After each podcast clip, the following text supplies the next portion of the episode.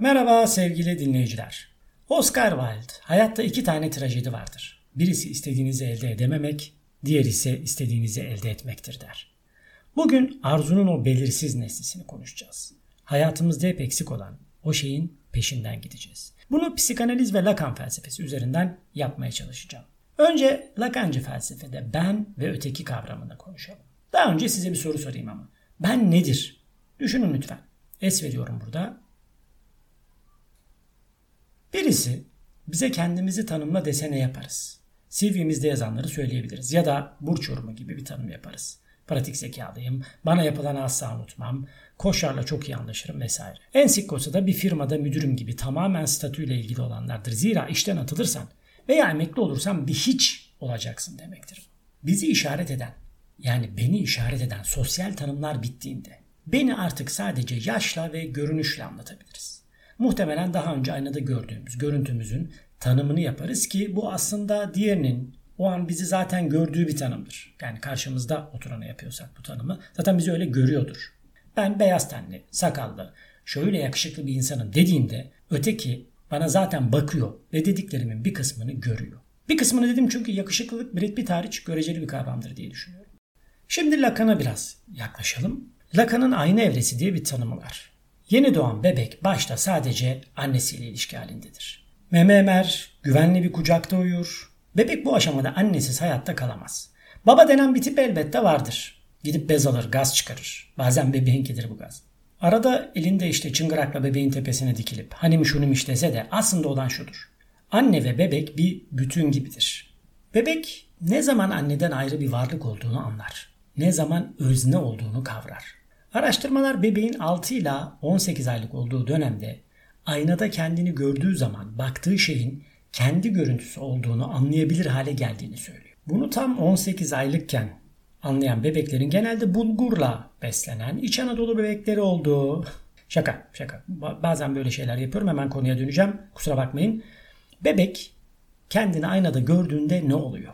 Bir yanda kendi bedeni, diğer yanda ise aynadaki imgesi var. Lacan'a göre bu ikisinin özdeşleşmesi yani çocuğun aynadaki yansımasına bakıp kendisini gördüğünü düşünmesi çocuğun dilin alanına girdiğini gösteriyor. Çünkü çocuk aynadaki yansıma aynaya bakan kendisini gösterdiğini düşünüyor. Ellerimiz, kollarımız, işte ayaklarımız bunlar aslında sınırlı. Bunlarla sınırlıyız. Ve aynaya baktığımızda görüyoruz. Evet ya biz buymuşuz diyoruz. Bunlarla sınırlı bir görüntümüz var diyoruz. Ben, benim yani ben diye tanımladığımız şeyin bittiği yerler var. İşte parmakların ucu bitiyor ben artık. Yani doğayla, anneyle ya da çevreyle bir bağlantımız yok ondan sonra. Ve çevresine bakıyor. İşte annesini görüyor. İşte çıngıraklı adamı görüyor. İşte o adama bakıyor. O adam anneyle yakınlaşıyor. İnşallah memeden emmez diye düşünüyor. Bilmiyorum yani. Ötekilerin farkına varıyor kısacası. Ve ötekiyle dedik ya dilin alanına giriyor diye. Ötekiyle de dil ile ilişkiye geçeceğini biliyor artık. Çünkü ötekisi kendiyle dil ile ilişkiye geçiyor. Çocuk yani bebek daha doğrusu dilin alanına girmiş durumda. Peki ben nasıl oluşuyor? Yani ben olan ben. Bu nasıl oluşuyor? İçimizden bir şekilde mi kendimizi geliştiriyoruz, şekillendiriyoruz?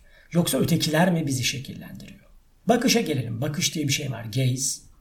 Bize bakanlar var. İşte çıngıraklı adam dışında yaşlılar var, gençler var, işte babaanneler ya da öteki diğer çocuklar vesaire. Bize bakarak bir şeyler söylüyorlar. İzliyorlar, hareketlerimizi izliyorlar. Olumluyorlar, hmm, ne güzel diyorlar. Yanlış bulduklarını diyorlar, aa ne yaptın diyorlar. Hatta bize kızıyorlar bazen. İşte ötekinin bu bakışı, bedenimiz ve kişiliğimiz hakkındaki düşünceleri yani o bakışla bize ilettiği, dille ya da hareketlerle ilettiği düşünceleri bizim hareketlerimizi etkiliyor. Bana gülümsensin, hareketlerim olumlansın, yaptıklarım ayıplanmasın, kabul edileyim. Ben diye inşa ettiğim şey toplumda şöyle gözüksün dediğimiz zaman yani başka bakışlar beni böyle görsün dediğimiz zaman kabul edilmek için bir şey yapıyoruz. Aslında toplumla bir uzlaşmaya gidiyoruz. Bu uzlaşma farklıdır yani zamana, coğrafyaya göre değişir. Coğrafya elbette kaderdir. Doğduğumuz coğrafyada olduğumuz ya da olduğumuzu sandığımız ben aslında ötekinin bize dikte ettiği, ona bağımlı bir bendir. Yani hiçbir zaman ötekinden ayrı bir ben olamazsınız. Orta Doğulu bir aile düşünün. İşte e, Muttalip diye bir çocuk çok güzel dua okuyor. Muttalip çok güzel dua akır deniyor. İşte Muttalip'in şöyle sesi yanık deniyor vesaire. Muttalip bu ötekinden gördüğü kabul ile bir hatimci olma yolunda ilerliyor. Hatipliğe doğru gidebilir. Aynı anda başka bir şehirde başka bir çocuk diyelim Berke. O da çevresinin gazıyla Aa, sesi çok güzel denilerek bir pop starlığa doğru gidebilir. Kısacası ailede başlayan ve toplumla devam eden bu bakışlar, gaze yani bizi yönlendirir, beni oluşturur aslında. Yani o başta biraz önce daha doğru sorduğum soruya geleyim. Ben içten mi oluşur, dıştan mı oluşur sorusunun esas cevabı beni oluşturanın dış etkenler olduğudur. Ötekidir, ötekinin bakışlarıdır, ötekinin olumlamasıdır ve ötekiyle girdiğim uzlaşma sonucunda ben oluşur. Yani dıştan oluşur. Peki bir kere ben oluştuğumda ne olur? Bu alışkanlığa dönüşür artık. Yani Muttalip'in sesi çok güzel. Muttalip artık e, hatimci oldu. Artık böyle devam eder. Yani kendi kişiliğini öyle tanımlamaya başladıktan sonra insan bundan geriye dönüş gittikçe zorlaşır. Değişmesi için ne zaman bir etki olur. O coğrafya değiştiğinde, o toplum değiştiğinde bir etki olur. Yani başka bir şey, başka bir şehre ya da başka bir ülkeye giderseniz. Örneğin şöyle düşünün. Bir e, Almanya'ya giden bir aileyi düşünün. Göçmenleri düşünün. Şimdi orada şöyle bir şey var. Buradaki adetlerini, gelenek ve göreneklerini de götürdüler. Bunu biliyoruz. Ve birkaç nesil hiç değişmediler. Neden? Çünkü zaten gettolarda oturuyorlardı. İşte Türk mahallelerinde oturuyorlardı. Onları izleyen gözler Almanlardan çok yine Türklerdi. İşte camiler kurdular. Kendi öğretmenlerini getirdiler. Ve dolayısıyla Türkiye'deki o hayatlarına devam ettiler. Ötekiler yine o gelenek ve göreneklere sahip ötekiler Türkiye'deki ötekilerdi. Kendileriydi. Ama kendi çocukları ne oldu? Yani birkaç nesil sonra ne oldu? Almanların içine girdikçe onları gözleyen gözler, geyzler değişti. Ve buna bağlı olarak da o çocuklar değişti. Yani yeni nesil Türk ailelerin dışında belki bazıları uzaklaştı, Türkçe konuşmayı reddedenler falan oldu. Yani başka türlü kabul edilmek, öbür tarafa kabul edilmek, öbür tarafla uzlaşmak isteyenler oldu. Peki şöyle bir şey soralım o zaman. Biraz e, tartışalım bu konuyu. Bu konuştuğumuz toplumsal bakışı kabul etmeyen, uzlaşmaya yanaşmayan, buna aykırı davrananlar yok mu? Çevremizde bunları görmüyor muyuz? Şimdi burada stoacılara bir parantezi açmak istiyorum. Bu örnekte daha iyi anlatabileceğimi düşünüyorum bunun. Şimdi stoacıların şöyle bir deneyi vardı. Yeni katılanlara işte bir challenge gibi yaptıkları. Yeni katılanlara işte şöyle diyorlardı. Bir balığı al, ipe bağla, pazarda gezdir. Pazarın bir ucundan diğerine. Sonra yine git gel, git gel. Elinde bir ip, ucunda öyle bir kefalle. Pazarda gezini görenler bir kere onu şaşıracaklar. Ve zaten öyle oluyordu. Sen ne yapıyorsun diyorlardı. Deli muamelesi yapıyorlardı. Dalga geçiyorlardı. Ama stoacılar bu deneyde kişiyi toplumsal uzlaşı dışına çıkmaya davet ediyorlardı, zorluyorlardı. Stoacılıkta amaç kozmozla barışık yaşamaktır. Bunun için de toplumun yapay uzlaşılarından uzaklaşmak isterler. Şimdi hemen döneyim burada konuyu dağıtmayayım Lacan'a geri geleyim. Aslında dediğim gibi stoacıların yaptığı Lacancı o bakışa rağmen yani ötekinin bakışına rağmen bireyin uzlaşmaya yanaşmamasıdır. Tabi burada şunu belirtmekte fayda var. Stoacılar da bir gruptu. Yani tıpkı diğer ötekiler gibi balığı gezdirene onlar da bakıyordu. Dolayısıyla stoacı olarak oluşan ben kavramı da aslında gözetlenen bir kavramdı ve kendi grupları tarafından gözetleniyordu. Yani öyle davranmazsa, stoacı o kefali orada gezdirmezse aslında stoacıların içindeki uzlaşmaya belki karşı geliyordu. Böyle de düşünülebilir. Tabi bunu şu anda bizim okuyuşumuz böyle olabilir ama o dönemde böyle değildi tabi. Tüm bu girişi niye yaptım? Arzuya gelmek için yaptım. Neden? Çünkü arzu benle ve ötekiyle yakından ilgili. Arzu dil ile şekillenir. Arzuyu hem anlatmak hem de anlamlandırmak için dil gerekli. İhtiyacımızın ne olduğunu ve onu doyurmamız için ne gerektiğini dil yoluyla anlamlandırırız ve çevremize söyleriz. Örneğin vücudumuzun suya ihtiyacı olabilir. Ama biz susuzluğumuzu kola ile gidermek isteyebiliriz. Kola içmek daha cool'dur. Soğuk olarak o vardır. Ben soğuk severim. Cool görünürüm. Bunu yapabilirim. Ve kolanın daha çok susattığı gerçeğine rağmen bunu yapabilirim. Çünkü ben böyle istiyorum yani. Pıs diye açıldığında o reklamlardaki gibi açıldığında bu sesi çok seviyorum. Çünkü ben buyum. Örnekleri çoğaltabiliriz. Açsak ve önümüzde işte domuz eti varsa belli bir dine mensup olduğumuz için onu yemeyip açlığa devam edebiliriz. İşte dilin arzuyu biçimlendirdiği nokta burasıdır. İhtiyacımız bir talep üretirken bu talebin arzuya dönüştüğü obje büyük farklılıklar gösterir. Şimdi arzumuzun o nesnesine biraz daha yaklaşalım. Arzulamamıza neden olan kurgusal nesne yani Lacan'ın diğer dillerde Fransızca orijinaliyle kalması gerektiğini söylediği. Böyle diyor. Fransızca orijinaliyle kalması gerek. Çünkü siz dilinizde, kendi dilinizde bunu açıklayamazsınız. Bu da obje petit a. Obje petit, küçük obje. Obje petit a, küçük öteki obje. Buradaki a, autre diye bir kelime var Fransızca. Adıra denk geliyor. Yani ötekine denk geliyor. Onun a'sı. Küçük, öteki nesne gibi düşünebilirsiniz. Bu arzulanan küçük öteki nesne. Freud'un id kavramına dayanır. Ancak o derindeki idden farklılaştığı noktalar var.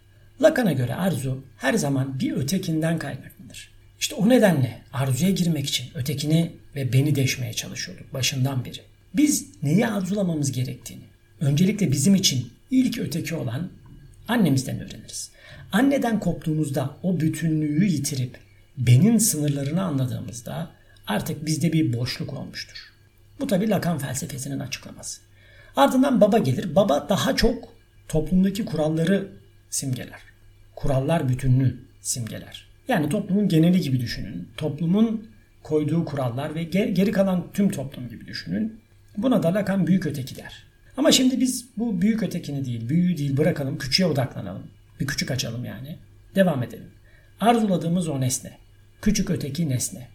Bu bir eksiklikten doğar. Dedik ya başlangıçta tamdık. Ama anneden ayrılınca içimizde bir boşluk oluştu. İşte Lacan'a göre arzuyu tanımlayan bu eksiktir. Bu boşluğu doldurmak amacıyla biz arzularız.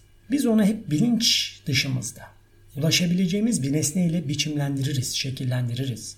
Bu işte obje petit a'dır. Ve her zaman ama her zaman fiziksel bir nesneden daha fazlasıdır. Fiziksel bir nesne olabilir ama arkasında bir anlam vardır. Düşünsel bir tatmine gider, bir fantaziye gider. Örneğin genç yaşta sigaraya başlayan pek çok insan daha büyük görünmek için başlayabilir. Daha havalı olmak için başlayabilir. Ya da başka bir sebebi olabilir. Birine kendini göstermek istiyordur.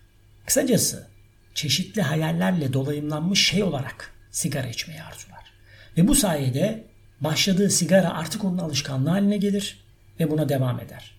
Ha o mu? O sigara içiyor. Ben mesela Lucky Strike içerim. Peki arzumuza ulaşabilir miyiz? Beni tanımadık. Öteki var. Ve bir o arzumuz var. Buna ulaşabilir miyiz? O nesneyi elde edebilir miyiz? Aslında arzu hiçbir zaman tatmin edilemez. Tatmin edildiğinde yok olur. Ya da tekrarlanmak ister. Arzu sadece obje petit a'ya ulaşma çabasıdır. Yani ne yapıyoruz? Önce eksik olduğunu düşündüğümüz şeyi arzuluyoruz. O eksiği bulduğumuzu sandığımız, yani o eksiğe eriştiğimizi, arzumuzu tatmin ettiğimizi sandığımız anda tamamlandığımızı diyelim. Sandığımız anda yanıldığımızı anlıyoruz. O zaman ne yapıyoruz? O eksiği doldurma arayışımıza devam ediyoruz. Çünkü o eksik orada. Yeni bir obje petit A arıyoruz. Aslında arzuladığımız o nesne bir boşluğun maske takmış hali. Ulaşıp maskeyi yüzünden çekip aldığımızda orada gördüğümüz şey koca bir boşluk. Şimdi Buñuel'in Obscure Object of Desire filmiyle devam edelim. Türkçe'ye arzunun o belirsiz nesnesi, arzunun o karanlık nesnesi diye çevrilmiş. Birkaç çevirisi var yani. Hikaye aslında tam da bu konuda. Objet Petit A konusunda. Filmin hikayesi Matteo isimli bir adamın çevresinde dönüyor. Matteo 50'li yaşlarında karizmatik bir dul. Başından bazı aşk maceraları geçmiş ama uzun süredir de tutkulu bir aşk yaşamamış. Tutkulu bir hadise diyelim yaşamamış. Aşka demeyelim. Bu şeye kadar sürüyor. Genç ve güzel Conchita diye bir kız var. Bununla karşılaşana kadar bu durum sürüyor. Conchita'nın masum güzelliği Matteo'yu kendine çekiyor. Matthew onu arzulamaya başlıyor ve bu arzusunu kovalıyor. Şimdi şurada şöyle bir espri var bunu da söyleyeyim. Bu Buñuel'in tercihi değil ama başta Buñuel'in tercihi gibi yansıtıldı. Conchita rolünü iki tane farklı kadın oynuyor. Birincisi ilk oynayan yani Carol Bouquet ve diğeri de Angela Molina. Aslında hikaye şöyle yani daha sonra yapılan yorumlarda ya işte Conchita'yı işte kadının bir masum güzelliğiyle bir o fettanlığını vermek için iki ayrı kadın kullandı falan den, deniyor film sonrası. İşte yorumlarda da var hala review'lerde görebilirsiniz. Ama esas hikaye şöyle. Carol Bouquet e, devam edemiyor role. Yani Buñuel'in taleplerine mi cevap veriyor? Veremiyor artık bilmiyorum. O ayrılınca film zora gidiyor. İşte batacak neredeyse. Yeniden çekmeleri imkansız. Buñuel de şöyle bir karar veriyor. Diyor ki başka bir kadına devam edeceğiz. Aslında enteresan şekilde bu filme güzel bir ivme katıyor bence. Çok da iyi olmuş diyebilirim kendi adıma en azından. Matteo'nun Conchita arzusu gittikçe artıyor. Aynı evde yaşamaya başlıyorlar ama Conchita evden kaçıyor. Matteo onu arıyor. Sevil'de bir gece kulübünde buluyor. Turistlere çıplak dans ederken böyle bir gösteride buluyor. İşte aralarında bir tartışma geçiyor. Mateo acayip tutkulu bu yüzden Conchita'yı affediyor. Tartışma sona eriyor ve Conchita'ya bir ev alıyor. Televizyondaki şu evlilik şeyleri var yani evi üstüme yapacağım mı? Bu kadınların toplandığı programlar. İşte bu kadınların bu kült filmi izlemesi gerek bence. Neymiş? Evlilik programı teyzeleri önce arzu nesnesi olmayı bilecekler. Bakın bunu bilirlerse evi de üstlerine yaptırırlar. Neyse devam edelim filme. Şimdi şöyle bir sahne var. Conchita bu bir sahne sadece bir özel bir sahneden bahsediyorum. Mateo'yu bir gün evine almıyor. Şöyle kapının önünde tutuyor. Kapı demir parmaklıklı bir kapı. İçerisi gözüküyor yani hol gözüküyor. Conchita ona diyor ki artık işte senin öpüşmekten, senin dokunmandan, senin her şeyinden nefret ediyorum diyor. Bunları söyledikten sonra arkadan genç bir adam çıkıyor. Conchita getiriyor daha doğrusu. Ve adamla yakınlaşmaya başlıyorlar. Mateo içeri giremiyor ve bunu görüyor ve çok sinirleniyor ve orayı terk ediyor. Yani olayı daha izlemeden orayı terk ediyor. Bundan sonra Conchita'nın Mateo'ya yaklaşmasını izliyoruz. Yaklaşıyor ve ona diyor ki yani yaklaşıyor derken daha sonra onu buluyor ve durumu anlatıyor. Ya bu aslında benim o dönemki işte bir halimden kaynaklanıyordu. O kişi benim arkadaşım zaten hani aramızda bir şey olmadı o da gaydi zaten. Sadece seni kızdırmak için yaptım vesaire diyor. Şimdi burada filmi sahne sahne anlatmayacağım ama bu kaçışları, bu Conchita'nın gerip bırakmalarını bunları söylemek istiyorum. Hani dedi ki Arzu'nun o belirsiz nesnesi. Conchita'nın da bu belirsiz ve çelişkili davranışları Mateo'nun ayarını bozuyor. Film bu sarmalda devam ediyor sürekli. Şimdi Lacan felsefesinde arzu merkezi bir rol oynuyor. Her zaman tam olarak tatmin edilemeyen bir eksikliği ifade ediyor. Tam merkezde duruyor aslında. Filmde Mateo'nun Conchita'ya duyduğu takıntılı aşk Lacan'ın arzu kavramı ile paralellik gösteriyor. Conchita Mateo'nun arzularını biliyor ama bunu tatmin etmekte sürekli bir eksiklik gösteriyor. Yapmıyor yani bunu. Ve bu arzu sürekli döngüsel bir şekilde devam ediyor. Burada Lacancı felsefe anlamında ne görüyoruz? Conchita Mateo için obje petit a. Karşı konulamaz, belirsiz, peşinden gidilmesi gereken. Peki öbür taraftan düşünelim. Conchita için durum ne? Onda arzu ne? Onda arzulanan olma isteğini görüyoruz. Conchita arzulanandır ve arzulanmaya devam etmek ister. Peki bu durum hangi eksiğe vurgu yapıyor? Hani dedik ya başlangıçta. Ya daha doğrusu sürekli diyoruz ya bir eksik var ve bunu arzuluyoruz. Conchita'nın obje petitası nedir? Şimdi çevrenizde elbette Conchita gibi kadınlar görmüşsünüzdür. Çok güzel kadınlar ya da aurası yüksek kadınlar diye. Bunlara yönelen bir arzu vardır. Bunu hissederiz. İşte metroda, otobüste böyle bir kadın gördüğümüzde işte çevredeki bakışların da ona çevrildiğini anlarız hissederiz ki muhtemelen o da hisseder. Ben bu durumda yani uzun süredir diğer insanları gözlüyorum. O geyze bakıyorum yani. Nasıl bakıyorlar? İşte kimisi böyle görülme korkusuyla kaçamak bakışlar atıyor. Kimisi yanına doğru ilerliyor. Yani hayatın normal akışında bir değişiklik oluyor. Kim bunu yaratmak istemez ki? Kim bu etkiyi yaratmayı arzulamaz ki? İşte bu arzuyu hisseden kadın bunun devamını ister. Sevilen, arzulanan olmak. Onun boşluğu da odur. Conchita Mateo'nun üzerindeki etkisinin farkında. Bu yoğun etkiyi istediği gibi gerip bırakıyor. Aslına bakarsak ikisi de film boyunca düştükleri bu durumun farkındalar. Ve şikayetçi değiller. İkisi de bu oyunu bırakmıyorlar ve sonuna kadar arzularını kovalıyorlar. Bülent Somay'ın bir kitabı var. Adı Bir Şeyler Eksik. Belki okuyanınız vardır. O da Lakancı felsefeden bakarak o eksiği anlatmaya çalışmış kitabında. Şöyle diyor. Eksik kaybedilmiş, kesilmiş, koparılıp alınmış bir şey değildir. Zaten hiç orada olmayan bir şeydir diyor. Kitabına Woody Allen'ın Bananas filminden bir bölüm alarak, anlatarak daha doğrusu başlamış. Woody Allen benim de belki en sevdiğim yönetmen. Tüm filmlerini izledim. Bu filmde dönemi için hayli komik bir film. Psikanaliz açısından belki bilerek, belki de hissederek doğru yerlere dokunarak mizah yapmış üstad. Filmdeki sahne şu. Yani Bülent Somay'ın kitabında bahsettiği sahne şu. Fielding Mellish var. Bu klasik bir New York Yahudisi ve bunu tahmin ederseniz ki Woody Allen oynuyor. Nancy diye bir kıza aşık. Kız solcu ve devrimci. Yani işte New York'un Bohem mahallesinde bunları okuyan, solculara özenen bir kız. İşte günümüzün Kadıköy bohemleri gibi düşünün. E, kesinlikle eleştirmiyorum bu arada. Romantik buluyorum ve seviyorum ayrıca. Neyse Nancy sevişmelerinden sonra hep bir şeyler eksik diyor. Seks bitmiş, sigara yakılmış. Fielding'in suratında boşalma kaynaklı aptal bir gülümseme tezahür etmiş. Ama Nancy mutlu değil. Nancy bunun nedenini bilmiyor. Orgazm mı olamadı? İstediği bu değil miydi? Bu adam değil miydi? Fielding'i mi sevmiyor? Düşünsel tatmini mi yok? Bilmiyor. Bunu bilemiyor ve şöyle diyor işte. Bir şeyler eksik. Fielding ise aşık. O durumu şöyle tanımlıyor. Türkçe'ye çevirince çalışmayan bir şaka o nedenle İngilizce okuyacağım size buradan. Şöyle diyor. We fell in love. I fell in love. She just stood there. Yani birbirimize aşık olduk. Ah pardon ben ona aşık oldum. O sadece orada duruyordu. Bu anlamda bir şey söylüyor işte. Fielding kadına tutkuyla aşık. Ama karşılığı yok. Elde edilemeyecek bir kadın Nancy. Peki Nancy için ne eksik? Onu bilmiyor ve Fielding'i terk ediyor. Fielding San Marcos'a gidiyor. Orada devrim hareketine katılıyor. Olaylar absürt bir şekilde gelişiyor ve devrimi yanlışlıkla da gerçekleştiriyorlar. Fielding de solcu ve devrimci hükümete destek sağlamak için tekrar geri Amerika'ya dönüyor. Ama tanınmamak için de bir sakal takıyor böyle lastikli sakallardan. İşte tipini değiştiriyor yani. Ve o sırada tekrar Nancy ile karşılaşıyor. Birbirlerine yine aşık oluyorlar. İşte bir gece yatıyorlar. Seks bitiyor. İki tarafta memnun gibi bu defa. Ama Nancy bunun Fielding olduğunu bilmiyor. Ve Fielding ona diyor ki sana bir şey ifade, itiraf edeceğim. Ve bu lastikli sakalını aşağı indiriyor. Nancy bakınca tanıyor bunu ve şöyle diyor.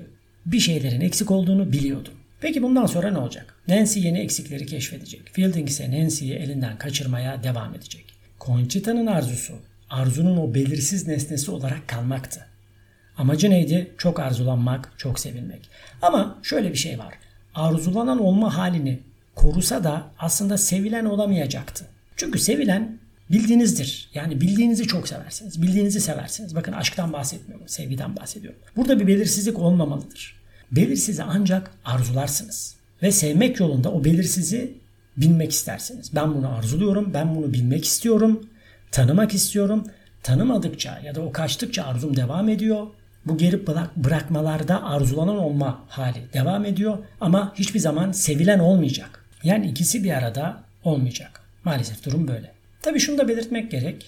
Şimdi filmlerden, aşktan, tutkudan bahsettim ama başta anlattığım dıştan şekillenen benin arzuları, o benin arzuları çeşitli şekillerde tezahür eder. İşte bu öteki tarafından belli bir şekilde algılanma arzusu olabileceği gibi bir koleksiyoner için nadir bir broş veya tek kalmış bir el yazması da olabilir. Bizim benliğimizdeki hangi eksiğe işaret ettiği önemli ve bizim ona hangi anlamı yüklediğimiz burada önemli. Bugün size hayatımızdaki eksik şeyleri ve Lacan'ın obje petit a'sını anlatmaya çalıştım. Bu kavram aslında biraz da kuantum fiziği gibidir. Anlıyor gibi olursunuz ama ironik olarak hep bir şeyler eksik kalır. Peki şimdi ne yapacağız? Fielding, Matthew ve bizler sevgili dinleyici. Bizler yani hepimiz. Ne yapacağız? Arkasında bir boşluk olduğunu bilmeden veya bilerek arzularımızın o belirsiz nesnelerinin peşinden koşmaya devam edeceğiz.